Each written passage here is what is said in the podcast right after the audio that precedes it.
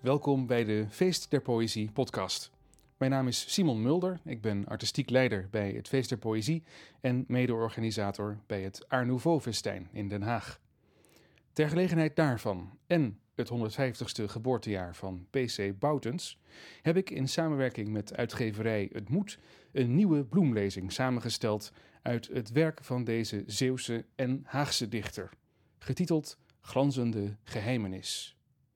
In deze derde aflevering van onze podcast, De Schemering van PC Boutens, hebben we ook weer historische en recente voordrachten van zijn werk, maar ook een nieuwe toonzetting van een van zijn gedichten. In deze laatste aflevering staan we stil bij het latere werk van PC Boutens. In zijn Haagse jaren was hij vermaard om zijn betrokkenheid bij het literaire leven in Nederland. Zijn werk voor de Vereniging van Letterkundigen en het Willem Kloosfonds, dat armlastige schrijvers onderhield, was erg belangrijk. Maar verder was hij zijn ingekeerde zelf, die zich liefst richtte op zijn dichtwerk en zijn vertalingen van de klassieken. Op naar het eerste gedicht. In 1921 bracht Boutens de bundel Liederen van Isolde uit. En die was gebaseerd op de mythe van Tristan en Isolde. Na het nemen van een liefdesdrank worden Tristan en Isolde noodlottig en hopeloos verliefd op elkaar. Maar helaas, Isolde is uitgehuwelijkt aan de koning die Tristan als ridder dient. Natuurlijk leidt dit tot rampspoed en de dood van beide geliefden. In het gedicht De maan is al boven de seringen brengt Boutens een idyllisch beeld van de natuur bij nacht.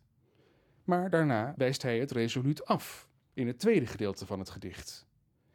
Hij volgt opnieuw Plato, in de opvatting dat die zintuigelijke werkelijkheid, al die schoonheid hier op aarde, maar bedrog is. Schemerschoon noemt hij dat. En hij vindt het onverdraaglijk. Hij verlangt naar de zon van de hemelse werkelijkheid, van de Platoonse ideeënwereld. We brengen eerst een voordracht van de klassieke voordrachtskunstenaar Paul Huff senior uit 1938. Hier kunt u ook weer letten op die gedragen en muzikale stijl. Klank en ritme zijn heel erg nauw verbonden met het weergeven van de inhoud van het gedicht. Daarna volgt een moderne voordracht van geroemd acteur en voormalig dichter des vaderlands Ramzi Nasser uit 2013, de laatste die wij afspelen van zijn CD-box Hier komt de poëzie. De maan is al boven de seringen, de stralen hellen de kruinen langs. De nachtegaal houdt zich stil van zingen, tot de hofferlucht staat van haar glans. Tot de donkere tuin als een ijle beker tintelt van licht, dof gouden wijn. En als slaapwandelaars onzeker de rozen ontwaken in den schijn. Ik weet niet wat ik meer moet vrezen, de nachtegaal met haar luide klacht, of de stille maan die droomt vol rezen over de witte rozenpracht. Laat doof en blind mij, ik kan niet dragen den telkens valse dageraad. Wanneer zal eindelijk mijn zon weer dagen, die alle schemer schoon verslaat? PC Boutens. De maan is al boven de seringen. De maan is al boven de seringen. De stralen hellen de kruinen langs. De nachtegaal houdt zich stil van zingen, tot de hof verlucht staat van haar glans. Tot de donkere tuin als een ijle beker tintelt vol licht, dof gouden wijn, en als slaapwandelaars onzeker de rozen ontwaken in de schijn.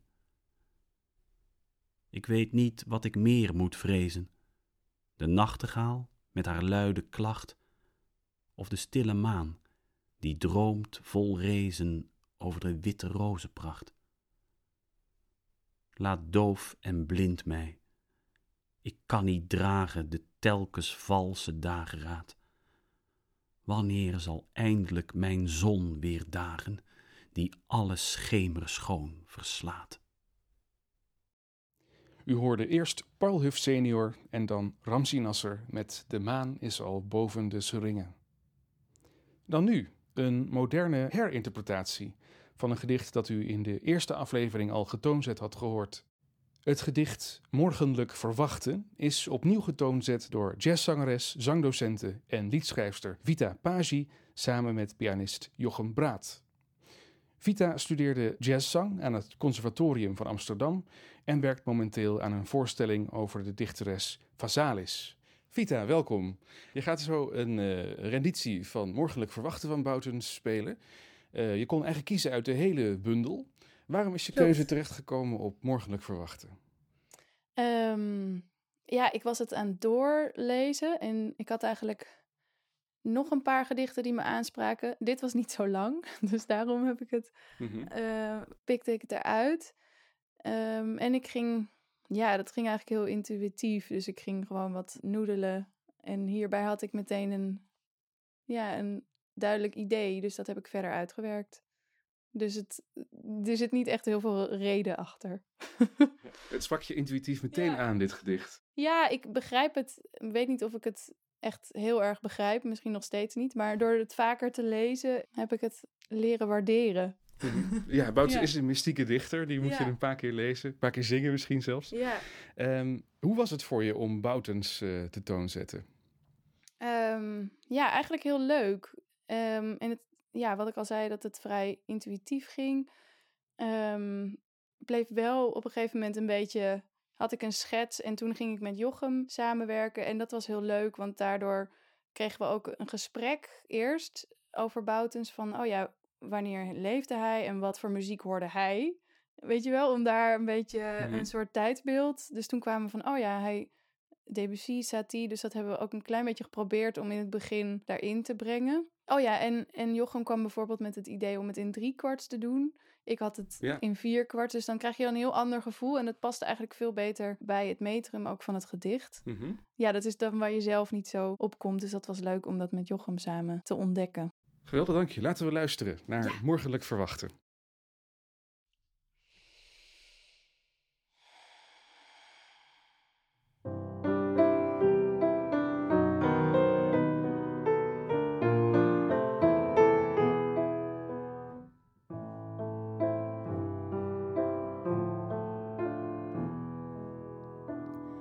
De dag staat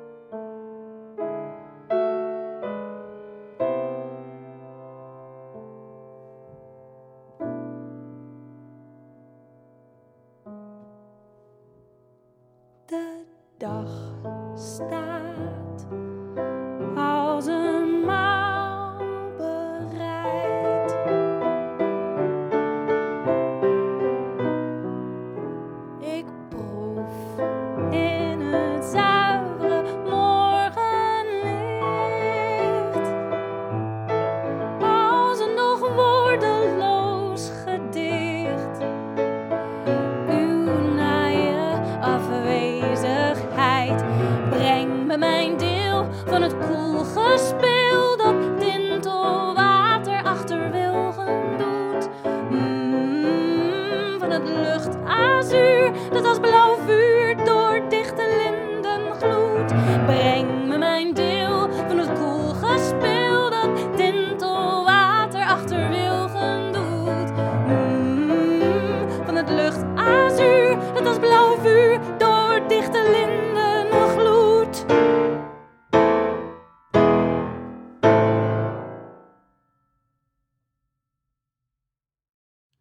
dat was de première van de nieuwe toonzetting van Morgenlijk Verwachten door Vita Pagi, zang en Jochem Braat, piano. Hoewel Boutens cultureel-politieke invloed toenam na de Eerste Wereldoorlog, nam zijn invloed als dichter af. Zijn Haagse woning werd het decor van een literaire eetclub en regelmatig ontving hij er bewonderaars. Een anekdote over een van die bewonderaars, uit Zachtjes knetteren de letteren door Jeroen Brouwers, wil ik u niet onthouden. Nol Gregor bezoekt de oude beroemde dichter Boutens. Toegelaten tot diens heiligdommen spreekt de dichtervorst tot de jeugdige bewonderaar de woorden: U zoudt mij gaarne iets uit mijn eigen werk horen reciteren. Eh, vergis ik mij hierin? De jeugdige bewonderaar antwoordt bedremmeld: Och meester, als ik u niet ontrief. Hierop leest Boutens enige verzen van zijn hand. Eh, hoewel van zijn hand leest hij deze verzen natuurlijk niet van zijn hand, maar van een boekpagina of een stuk papier. Daarna spreekt de dichter tot zijn bezoeker. Ook zou u gaarne een autogram van mij willen bezitten. Eh, Is mijn veronderstelling juist? Ach, meneer Boutens, daar zou u mij waarlijk een buitengewoon groot plezier mee doen. Zo antwoordt Gregor, die zich voorneemt zijn leven lang van de onbaatzuchtige beminnelijkheid van de befaamde letterkundige te zullen blijven getuigen. Glimlachend overreikt Boutens zijn bezoeker enige velletjes papier, waarop hij tevoren verzen van zichzelf heeft doen silostileren en die hij thans van een handtekening heeft voorzien. Maar nu wordt het heus toch weer tijd voor uw tram. Eh, is mijn gissing hieromtrent correct? Zeker, meester, zegt Gregor, die opspringt en Boutens door de lange gang volgt naar de voordeur, welke de dichter galant voor hem ontsluit. Eenmaal weer buiten, in het statige Den Haag van die dagen, waarin het Boutens voegt op even statige wijze te wonen, hoort Gregor de buitendeur achter zich dichtgaan en vervolgens de gekwelde poëet met harde stem uitroepen: Alweer een middag naar de kloten. Boutens die niet graag bewonderaars ontving. Het ingekeerde leven van Boutens zette zich verder voort. In zijn laatste levensjaren werd hij lid van de Cultuurkamer, gesticht door de Duitse bezetter. Dit lidmaatschap was door de apolitieke Boutens alleen maar bedoeld om de gelden van het Willem Kloosfonds te redden. Maar het is hem na de oorlog altijd verweten. Voor hij zijn Homerus-vertaling kon afmaken, stierf Boutens in het oorlogsjaar 1943. Uit zijn bundel Zomerwolken uit 1922 het laatste ontroerende gedicht van deze serie. Late Rozen bevat een van de mooiste fragmenten uit Boutens oeuvre, als ik dat zo mag zeggen. In nadroom van de zomer, in voordroom van de dood. Zo bracht ook Boutens, eenzaam in zijn laatste jaren, als een late roos, zijn levensavond door. Late rozen. Op haar verbroosde stammen, als luchters opgericht, de late rozen vlammen veeg in het witte licht.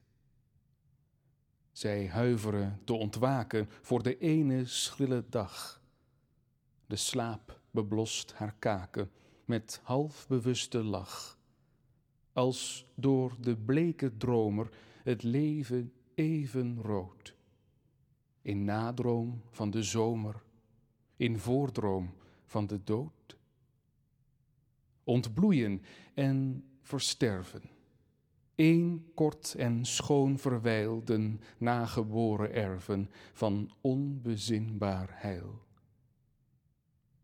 Hoe komt het u te wezen in dit onzeker dal? Uw oude hof omrezen van stilste wolkenval. Hoe komt het u te wezen zo zalig licht gemoed, als waart gij reeds genezen van uw vrome spoed? O pelgrim, nagebleven uit veler zomers lust, zo moe van overleven en nog niet na ter rust.